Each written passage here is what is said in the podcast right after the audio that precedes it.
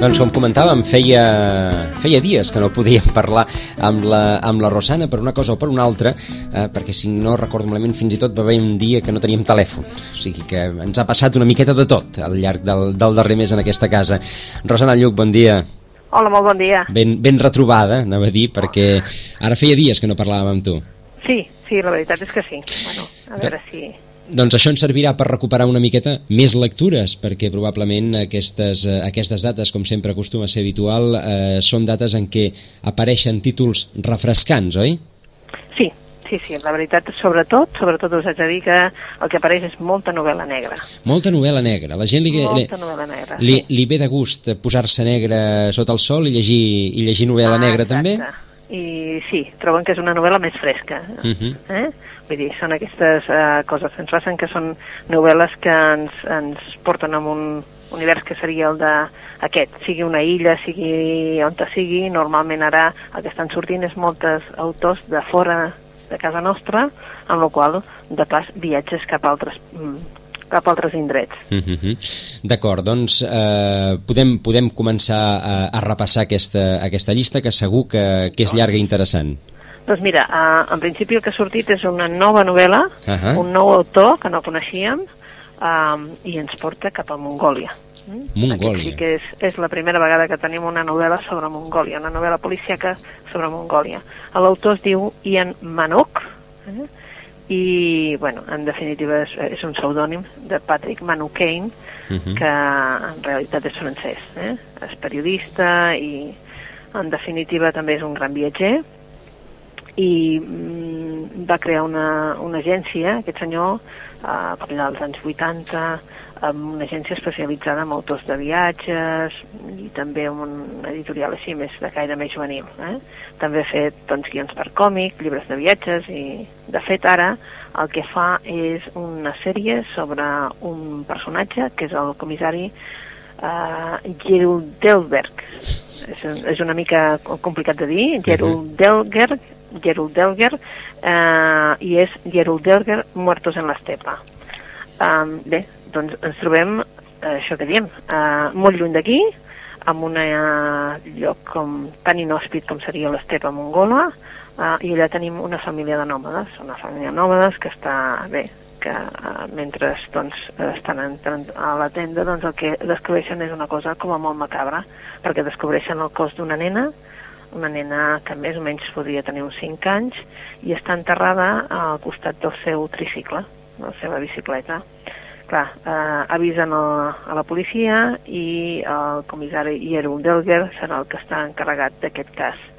Però ja vindrà una mica fart cap allà, anirà una mica fart cap a aquest cas perquè resulta que ve d'un altre que l'han apartat del cas i l'han apartat del cas perquè era un crim eh, que, doncs, que estava a Ulan Bator, que estava a les oficines d'una empresa xinesa i estava investigant perquè havien aparegut tres cadàvers eh, allò mutilats però el seu jefe l'ha apartat del cas sense dir-li absolutament res, simplement li ha dit que s'hauria d'ocupar d'aquest altre cas és difícil dir-li a algú doncs, no? que t'ocuparàs d'aquest cas quan acabes de veure'n un altre i per tant a ell eh, li és molt difícil apartar-se també de l'altre. Eh? En, en definitiva eh, veurem com ell de mica en mica doncs, eh, vol aclarir la veritat. La veritat també però no només d'aquest assassinat d'aquesta nena, sinó també, doncs això, doncs liberar aquest país d'aquesta plaga d'assassinats que s'està que s'està estenent, no? Uh -huh. que és uh, un lloc doncs, uh, que no pensaríem que hi pot haver això, però en definitiva ens presenta un paisatge doncs, uh, desolat, no? molt desert, uh, però alhora doncs, unes aventures allò amb intriga, amb també un cert humor, i clar, el que ens porta és cap a aquest ambient tan exòtic que, que ens fa també llegir la novel·la amb un cert, eh, doncs de dir, ostres, Mongòlia, no? que sempre se'ns ha aparegut així com a molt lluny, una estepa desolada, un lloc on hi fa molt de vent, no?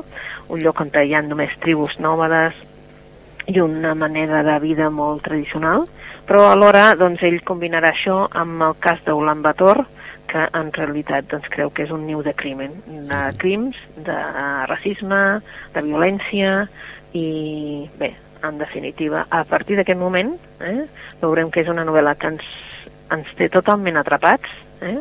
aquest Gerudel Muertos en l'Estepa, eh, veureu que és el primer d'una sèrie de, de casos que tindrem, de Lien Manuk, i que fa que tu comencis a llegir i no sé si és perquè estàs a l'estepa, estàs sol, eh, un paisatge tan desolat, però agafes i no el deixes fins que acabes. Mhm. -huh. Per tant, doncs, eh, ajunta que, eh, en aquesta obra i en Manuc el, eh, doncs, un còctel com a mínim interessant, que és la, la novel·la negra clàssica, allò s'han sí. trobat morts, hem de, hem de descobrir un policia que probablement deu tenir un caràcter ja peculiar, perquè els policies que, eh, de les novel·les negres ja, ja són especialots, i, i al costat, doncs, un paisatge exòtic que, sí. que aleshores eh, ens permet eh, entrar en aquella novel·la de viatges també, no? Exacte, com una novel·la perquè clar, hi ha una sèrie de tradicions que evidentment nosaltres ja no tenim, que ja recordem que són tribus nòmades i per tant doncs és aquest, aquesta tradició, aquesta manera de viure, però en canvi a la capital, a Ulan Bator, diguéssim, doncs ja no hi és això, ja, ja ha arrencat, doncs, diguéssim, la, la manera doncs, més, com per dir-ho d'alguna manera, més estàndard de tots, eh, més moderna, i clar, eh, diguem-ne que és una barreja, és un còctel que ell no sap si, si, si no es vivia més bé, saps, de manera tradicional, xina, etc. Però hi ha altres fonts també d'aquesta dominació encara comunista, una Mongòlia encara atrapada entre Rússia i Xina, i, i la veritat és que és com un lloc allà atrapat, com si cada, cada un dels països se la volgués eh, encruspir, no? I, I, en definitiva, allò que ens proposa doncs, també és això que tu dius, no? Aquest viatge cap a aquesta estepa tan, tan desolada, però alhora tan bonica. Doncs Geruderger, Muertos en la Estepa, és la primera de les propostes que ens fa la, la Rosana. Per on seguim? Doncs mira, se n'anem cap a, també amb una novel·la policiaca, però molt diferent. Aquesta no és la primera, ni molt menys, perquè és un nou, comissari, eh, és un nou cas del comissari Dupeng. Eh? Ja, amb aquest nom Dupeng ja veiem que se n'anem cap a França, sí, se n'anem cap a França, i eh, és l'autor és el Jean-Luc Banalec. Eh? En, en definitiva, el Jean-Luc Banalec ens porta ara un nou títol perquè ja s'havia publicat El misteri de Ponaven, Mort en les Isles, perdó, estic, estava dient en català i ha de ser en castellà, eh? i uh -huh. Un mhm. crimen bretón. Eh? Ja veieu cap on es dirigim, eh? que, bueno, cap a la Bretanya, eh, tenim el comissari que sempre va, va descobrint que sí, cossos, eh, gent ofegada, etc etc. però clar, el paisatge tornem a estar amb el mateix.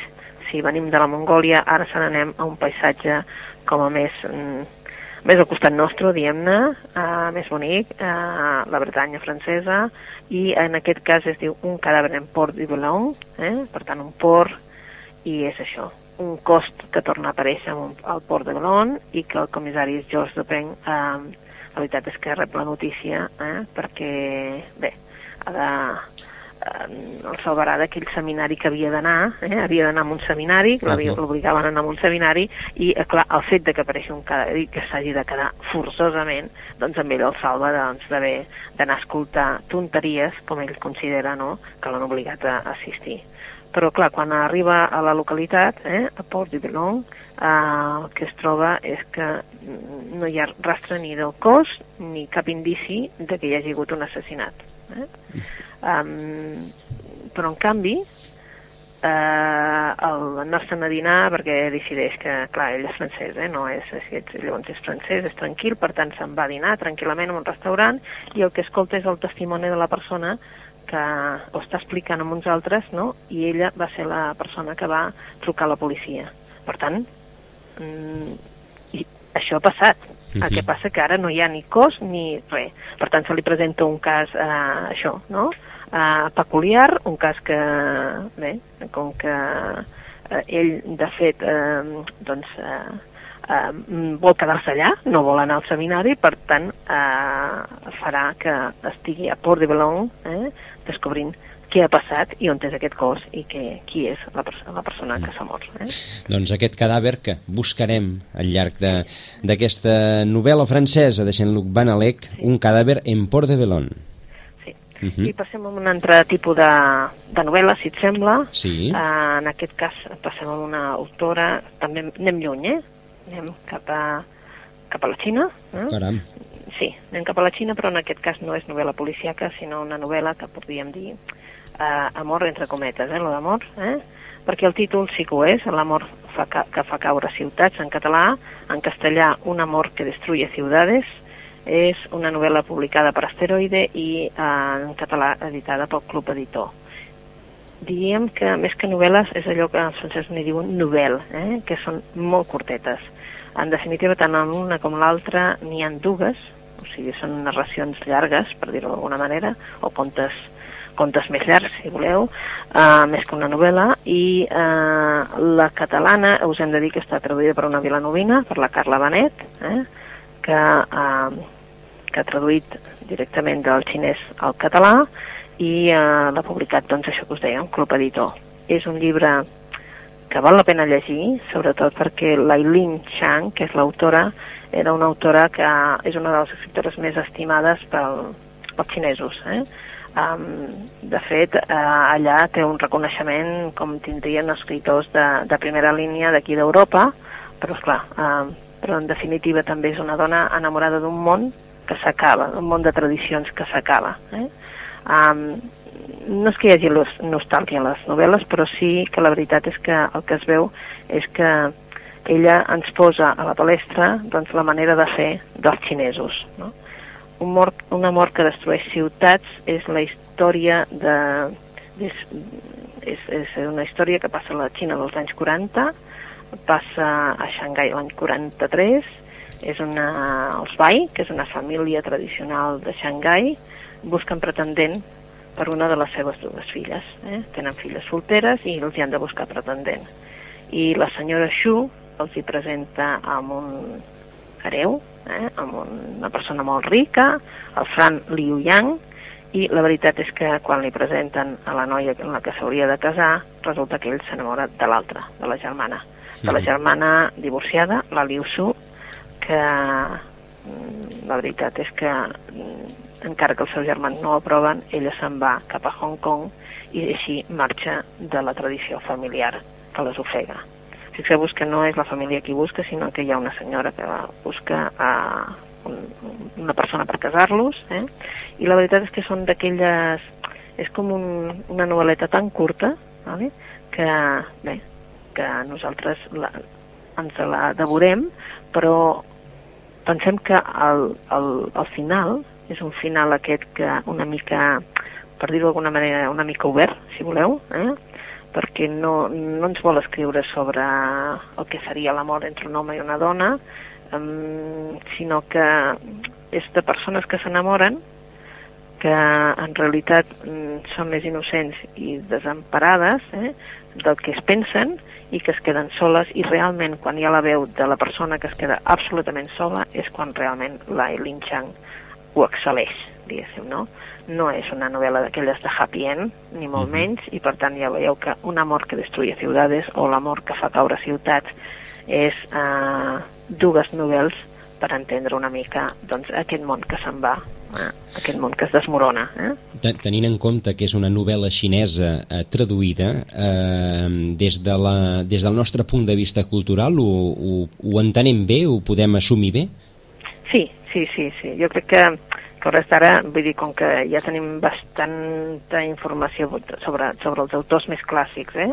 Vull dir, tenim per una banda nosaltres ara el que estem llegint, si, si te'n recordes, són, estem llegint doncs, autors xinesos més, més moderns, però la veritat és que sí que ho entenem perquè en definitiva són dels anys 50, representa que la, la, dels anys 50. Uh -huh. Pensa que en aquell moment mmm, una autora com la P.L. Esbuch va rebre el Premi Nobel i ens estava parlant d'aquesta Xina... Ella parlava d'una Xina encara més tradicional, més antiga, més enquilossada amb les en la, en la tradició. Aquesta representa que és aquell punt intermig, vale? perquè ja hi ha una persona divorciada, ja hi ha, és un punt intermig, és un punt que han de conviure amb la guerra, han de conviure amb una sèrie de coses i es veuen doncs, abocats a això, de vegades, no? O sigui, a, a casar-se, malgrat que el, el marit realment les agafa com a dones per, com, com a qüestió social més que com a realment estimar-la amb algú. Eh? Uh mhm. Llavors això és el que posa de palestra aquest amor, eh? que és aquest amor entre cometes que us deia en la novel·la. Per tant, no novel·la romàntica, sinó reflexió no. al voltant d'això, de, de l'amor, del, del, del final de la, de la tradició, de la necessitat de la modernitat, del, gairebé de la, de la necessitat de que doncs, les, eh, la persona pugui triar el seu propi camí. Exacte. Uh -huh. Doncs tercera, Interessant. Tercera. Em sembla que no havíem parlat d'aquesta. És una novel·la que és de, de Lauren Groff. No recordo si l'havíem parlat. És una novel·la que es diu En manos de les fúries i és una novel·la que, entre altres coses, bueno, és finalista del National Book Award, és a dir, una novel·la que ve d'Amèrica i que, en realitat, un llibreter independent li va recomanar a Barack Obama i a partir d'aquell moment, doncs, allà també va tenir molt d'èxit. Eh? Caram, caram, eh? quines recomanacions. Sí, sí, sí, eh? eh? vull dir, eh, sembla ser que el Barack Obama va molt a les llibreries, sí, independents entra i vol que li, li recomanin i això és el que diuen a les notícies, doncs eh, aquesta és la que li va recomanar un llibreter que es diu En manos de les fúries. Uh, Lauren Groff ens porta el testimoni, de, representa que és la història, és la història, de, en definitiva, de dos personatges, però que vindran marcats per lo que seria els seus pares. Uh, una noia, l'Antoinette, uh, vol buscar, vol sortir de la seva, diguem-ne, del seu cercle, que és un cercle com a molt, saps, de, de províncies, amb, amb pocs diners, etc etc, i decideix anar a provar fortuna, i la prova, doncs, en, en un lloc, doncs, eh, molt lluny d'allà, i el que fa és, bueno, té una amiga, en aquell cas es fa amiga amb una altra noia, i aquesta noia un bon dia li presenta un noi i li diu, aquest és el meu germà, està carregat de diners. És un noi amb aparència hindú, i a partir d'aquell moment ella ho té molt clar que s'enamorarà d'aquest noi eh? i el podrà canviar.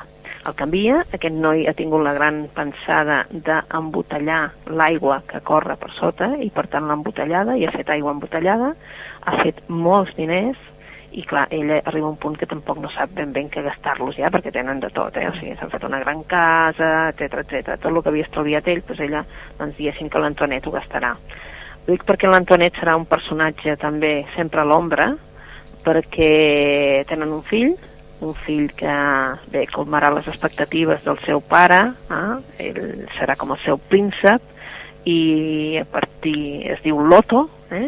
li posa un nom, evidentment, hindú, Loto, uh mhm. -huh. i a partir d'aquest moment doncs, serà un príncep, però quan només té 9 anys el seu pare mort, i a partir d'aquell moment ell doncs, mm, es descalabra.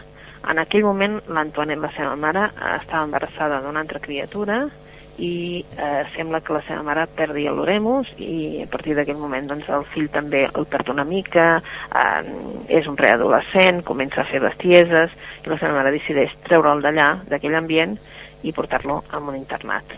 Això farà que a partir d'aquell moment ell se senti traït perquè la seva mare no el deixa tornar a casa, el deixa en aquell internat, allà fa amistats, va a casa d'un noi que el seu pare senador i a més a més, bé, una mica, diguem-ne, feixista, feixista, um, però tindrà una sèrie d'amistats.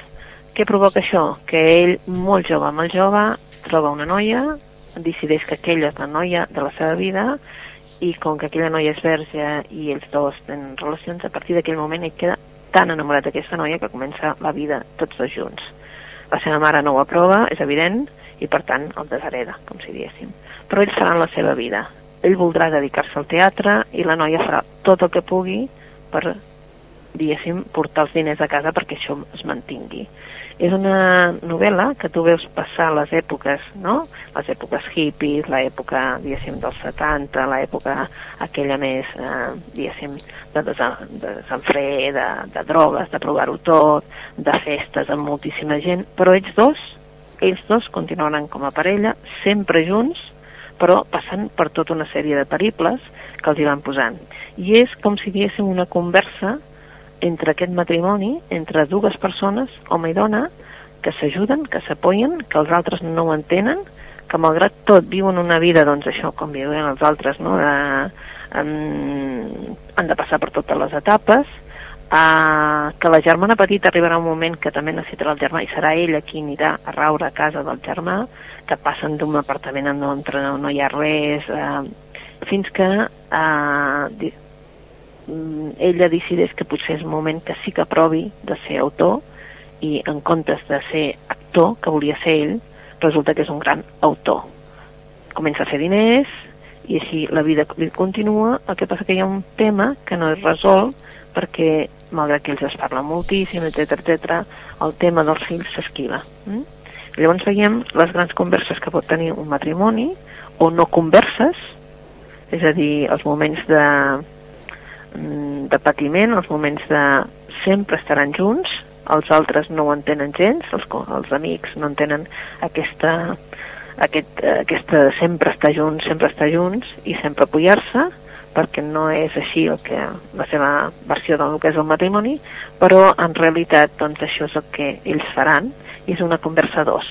És una conversa a dos, diguéssim, com a éssers, com va creixent ell, com va creixent el Loto, com va creixent la Matilde, i realment quines són les expectatives de cada un d'ells, com es van acoplant, i en definitiva coses que no s'han dit també al final han de sortir. Eh? Um, també, clar, perquè hi ha el destí, perquè en definitiva és com si aquest matrimoni fos una llarga conversa en el que hi cap absolutament de tot, fins i tot doncs, tot allò que no es diu. Eh? déu nhi amb el resum que ens has fet, eh, Rosana, l'Obama tindrà feina, eh? Sí, sí, sí, sí, és que tens feina perquè penses, bueno, en realitat és la vida de dues persones, Clar. Uh -huh. però també totes aquelles coses també, saps, que no surten, eh? que surten, vull dir, que passen, no? L'època que passes, que ara passes una època hippie, després passes una època... I, i, i tu que havies trencat en tot, resulta que acabes fent el que fa tothom, no? Compres una casa gran, amb jardí, amb piscina, eh, no entens? Vull dir, eh, tenir un cotxe, cosa que tu doncs quan eres jove doncs renegaves i, i volies viure una vida sense quasi res, però bueno, com vas canviant, com vas canviant, com vas canviant, no? el que sí és que de fet ho fa sense tenint a darrere la seva tieta, que és l'amiga la, de la, la que li va presentar l'Antoneta al, al Gavany, però no saps ben bé com han arribat diners perquè no, no saps ben bé com, com substituir, com han subsistit fins llavors, però sí que l'Antonet sempre s'ha quedat al marge, sempre s'ha quedat com una dona que s'ha quedat a casa, que no ha volgut sortir mai més després de, de morir el seu home i tampoc eh, és aquelles coses poc enteses perquè tampoc no és que estigués tan enamorada del seu home, sinó que en definitiva estava enamorada de la seva cartera. I saps, aquelles coses de, de gent, de costums, de coses que vas entenent al llegir la novel·la. Mm -hmm. Una cartera que sí que hereda, entenem. Exacte, sí, la cartera sí l'hereda totalment i a més a més decideix, doncs, saps, fer unes altres inversions, o sigui que tot aquell luxe que tenien els hi treu amb els fills, vull dir, saps, una cosa com a bastant estranya estranya. Uh -huh. Interessant. En manos de les fúries, es en diu. En manos de les fúries, sí. De Lauren Gross. Uh, vinga, qui més? Algun tenim, altre? Vinga, tenim temps per un altre, doncs una que acaba de sortir aquesta setmana, uh, Robert Harris, ja ens té acostumats a, a fer novel·les històriques i centrades normalment doncs, a, a Roma. Eh? Sí, Imperium i, ah, i totes aquestes, oi? Eh, Imperium i totes aquestes, exacte. Doncs ara um, ens porta um, amb aquesta última que tu deies, a Imperium Conspiración, i ara la última és Dic Dictators. Dictators. Dictators. Eh? Uh -huh. Dictators, eh? I llavors, bueno, què ens situa? Doncs pues el mateix, no? Estem parlant de, del Ciceró, uh, bé, el Ciceró, que en definitiva doncs era uh, bueno, d'alguna manera va formar el César, però uh, ell uh, es discuteix amb el César i per tant uh, els porta cap a en direccions oposades, no? Mm, el, el Ciceró es, uh, fuig de Roma i fuig de Roma per, per anar-se'n també dels seus adversaris i clar, ara està exilat amb la seva dona, els seus fills i però clar mm, aquest orador que en realitat el de seva poder és la paraula um, de fet és conscient de que s'ha sacrificat el poder, és a dir, tenir més poder sobre, sobre tot, eh? perquè tenia poder sobre, el, sobre Julio César, no? en, a, a, a, a, perquè tenia els principis, i com que volia els seus principis, doncs han anat a, a, en contra seu, els seus principis han anat en contra seu. Què passarà? Que vol tornar, vol tornar, però per això haurà de pensar-s'ho molt bé com ho ha de fer, com, com vol tornar, com vol fer aquest camí cap a, cap a Roma, a través de, perquè no hi ha cap home de l'Estat, per intel·ligent que sigui, que, que, que clar, que estigui, que no tingui ambició.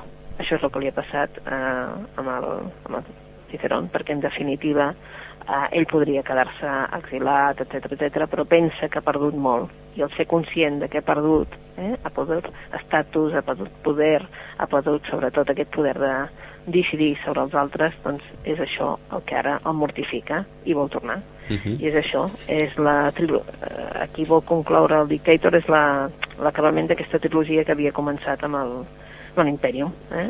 D'acord. Torna a ser una novel·la d'acció, uh -huh. de molta acció, d'això de Roma, i per tant, eh, evidentment, doncs, hi havia molts lectors ja esperant-la. Ah, I amb un rerefons, eh, òbviament, històric, la figura de sí, Ciceró, sí, sí. etc. Sí, sí, i sobretot sobre, sobre Roma, que és un dels, eh, un dels temes que més agrada als lectors de novel·la històrica. Uh -huh. Que de fet té un punt de thriller, tot això també. Sí, sí, sí, sí, sí. Uh -huh. és una novel·la un thriller històric, diguéssim, uh -huh. vale? perquè sí que té base històrica, és evident, perquè està parlant dels personatges com seria el Ciceró o el Julio César i, etc i tots els senadors, però en definitiva és una trama que ell eh, vol tornar, és una trama on surten les ambicions, el poder, les traïcions, tota, tota una sèrie de personatges que corren pel mig que faran que sí, això sigui realment un thriller. L'únic és que està situat a la Roma, a la Gàlia. Uh -huh. Doncs uh, Dictators, uh, una altra de les uh, refrescants recomanacions de la Rosana. Encara tindríem espai per, al, per alguna més, Rosana, si et va bé. Sí, doncs mira, uh, us, parlem d'una que ha de sortir, perquè surt ja a finals d'aquesta setmana, ens han dit ja que surt, uh -huh. una novel·la que a molts els recordarà a l'estil de la Camila Lackberg. I sí, és un estil Camila Lackberg i aquesta vegada és la primera novel·la la que ens, ens, diu, ens porten i es diu En aguas tranquilas. L'autora és Viveka Sten.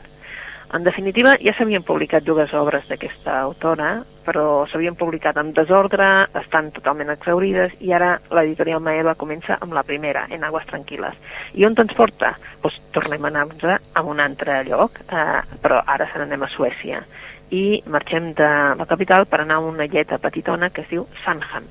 És una illa d'aquelles idíl·liques, un paisatge idíl·lic, en el que només hi viuen uns 110 eh, habitants durant tot l'any i sí que l'estiu la veritat és d'aquells llocs que costa molts diners trobar una casa per llogar. Mm? Uh, un lloc on hi ha molt poques coses. Eh? La diversió que hi ha és anar amb vaixell, amb fer regates, amb passejar, però és una illa que en realitat doncs, dones tot el tom a la illa amb dues horetes. Eh?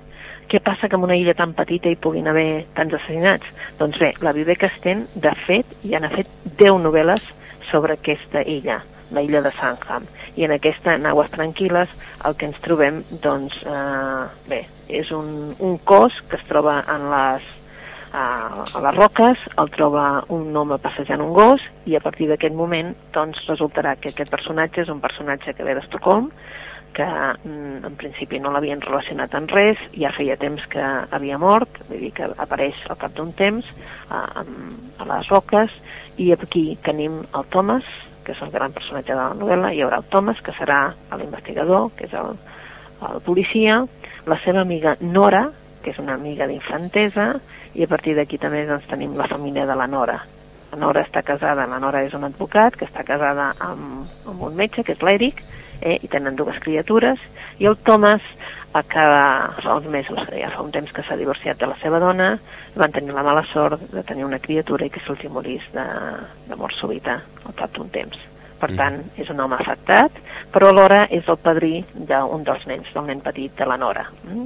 Tenen molt bona relació, saps, és una illa molt tranquil·la, d'aquelles illes que tothom més o menys es coneix, que coneix el que està fent l'un i l'altre, i, en definitiva, això no hauria de passar. Però no passa només això, sinó que al cap de poc la cosina d'aquesta persona que s'ha trobat uh, morta a les eines, mort a dintre d'una bed and breakfast, que és l'únic bed and breakfast. Hi ha un hotel i un bed and breakfast, doncs mort al bed and breakfast. A partir d'aquest moment és evident que hi ha cas, és evident que hi ha alguna cosa relacionada i a partir d'aquest moment doncs tots una mica estaran en perill. I que, una novel·la molt entretinguda. I què ens agrada, eh, la, la novel·la negra escandinava? Des sí. d'en Larson, escolta, sí, ha sortit sí, tot, eh? Que són molt, molt diferents, no? Perquè sí, sí, sí. Tens la, la, la, l'autor del Copenhague, que és el Jussi Alder Olsen, que és més, uh, diguéssim, més psicològic, tens uh, els suecs que segons qui, per exemple la Camila o la Tifa Casten, per exemple, són uh, novel·les així doncs, més tranquil·les en la que sempre apareix doncs, el paisatge, les persones, les famílies, les veïns, saps una mica que vol, vol fer partíceps a tots en la novel·la i encara tens el Larson que ja doncs, és com a més, no? Com més, més truculent, dur, sí. Més truculent, tot, exacte. Eh? Vull dir que uh -huh. hi, ha, hi ha com a dues branques, eh? Perquè la Salarson també passaria cap a aquesta banda, que no és el... Eh? Però sí, sí, eh, ens agrada molt lo de Suècia, eh? I això, doncs, que, no? que tinguin eh, tants mesos en què quasi no veuen el llum i després que tinguin aquestes nits tan fantàstiques però que també trasbalsen molt el son, uh -huh. doncs també, és veritat ens agrada. Doncs aquesta, aquesta recomanació final també d'una eh, una, una altra novel·la doncs, eh, que ens ve del nord eh, d'aquesta novel·la negra. És el que ens comentava la Rosana, eh, època de, de lectura doncs, més reposada. La novel·la negra, encara que, encara que hi hagi morts, no deixa de ser una, una novel·la fàcil de llegir. Sí, molt fàcil de llegir, suposo que també ens submergeix en un, en un escenari que no és el nostre, no? Uh -huh. Vull dir, ni tenim veïns així, saps? Vull dir, truculents ni, ni això, i també fa que, doncs, com, suposo que t'allunyes, no?, dels teus problemes i, i poses en una, en una situació que no és la teva i per tant t'és molt més fàcil. Uh -huh. eh? Doncs les eh, recomanacions d'avui de, la, de la Rosana des de la llibreria Llorenç eh, bàsicament Muertos en la estepa de Ayan eh, no, Geruberger Muertos en la estepa, ara ho he dit bé sí. de eh, Ayan Manuk eh, debutant, eh, en aquest cas, eh, una novel·la policíaca, atenció, ambientada en Mongòlia. Eh? És a dir, amb un, amb un destí la mar d'exòtic. També ens eh, la Rosana ens recomana un cadàver en Port de Belon, eh, en aquest cas eh, parlant eh, d'un paisatge mongol, doncs no, un paisatge bretó. Eh, Jean-Luc Banalec, eh, que ens fa anar al comissari Dupont, Dupeng, a, a buscar doncs, aquest, aquest cadàver que doncs, li han indicat que havia aparegut però que finalment doncs, sembla que inicialment no el troba i aprofita doncs, l'estança a Port de Balon per estalviar-se anar en un seminari. De la Xina ens arriba l'amor que fa caure ciutats de la Ailing Shan, eh, doncs una petita novel·la, segons comenta la Rosana, eh, d'una autora xinesa però que ens la, eh, la podem llegir sense, sense problemes, la podrem, la podrem entendre perfectament i no és una novel·la directament romàntica, sinó que eh, és més aviat una reflexió a l'entorn de la, doncs això, de la, de la història, de l'amor la, de i del que eh, pot esdevenir en, aquesta, en aquestes històries entre les persones. En manos de les fúries, de Loren Gross, eh, una novel·la recomanada a Barack Obama, que això sempre doncs, dona un caché eh, afegit en aquestes eh, recomanacions, eh, una, gairebé un trànsit històric a, a partir d'una petita nissaga familiar eh, doncs el, un clàssic, en Robert Harris, Dictators, amb el que es tenca la trilogia sobre, sobre Roma, molt centrat en la eh, figura de, de Ciceró, i per últim, eh, doncs, novel·la negra nòrdica, no podia faltar tampoc, En aguas tranquil·les, de la Zizek Sten, és l'altra, la darrera, de les recomanacions que avui ens porta la Rosana Lluc des de Llorenç Llibres. Rosana, bona lectura. Molt bona lectura també vosaltres.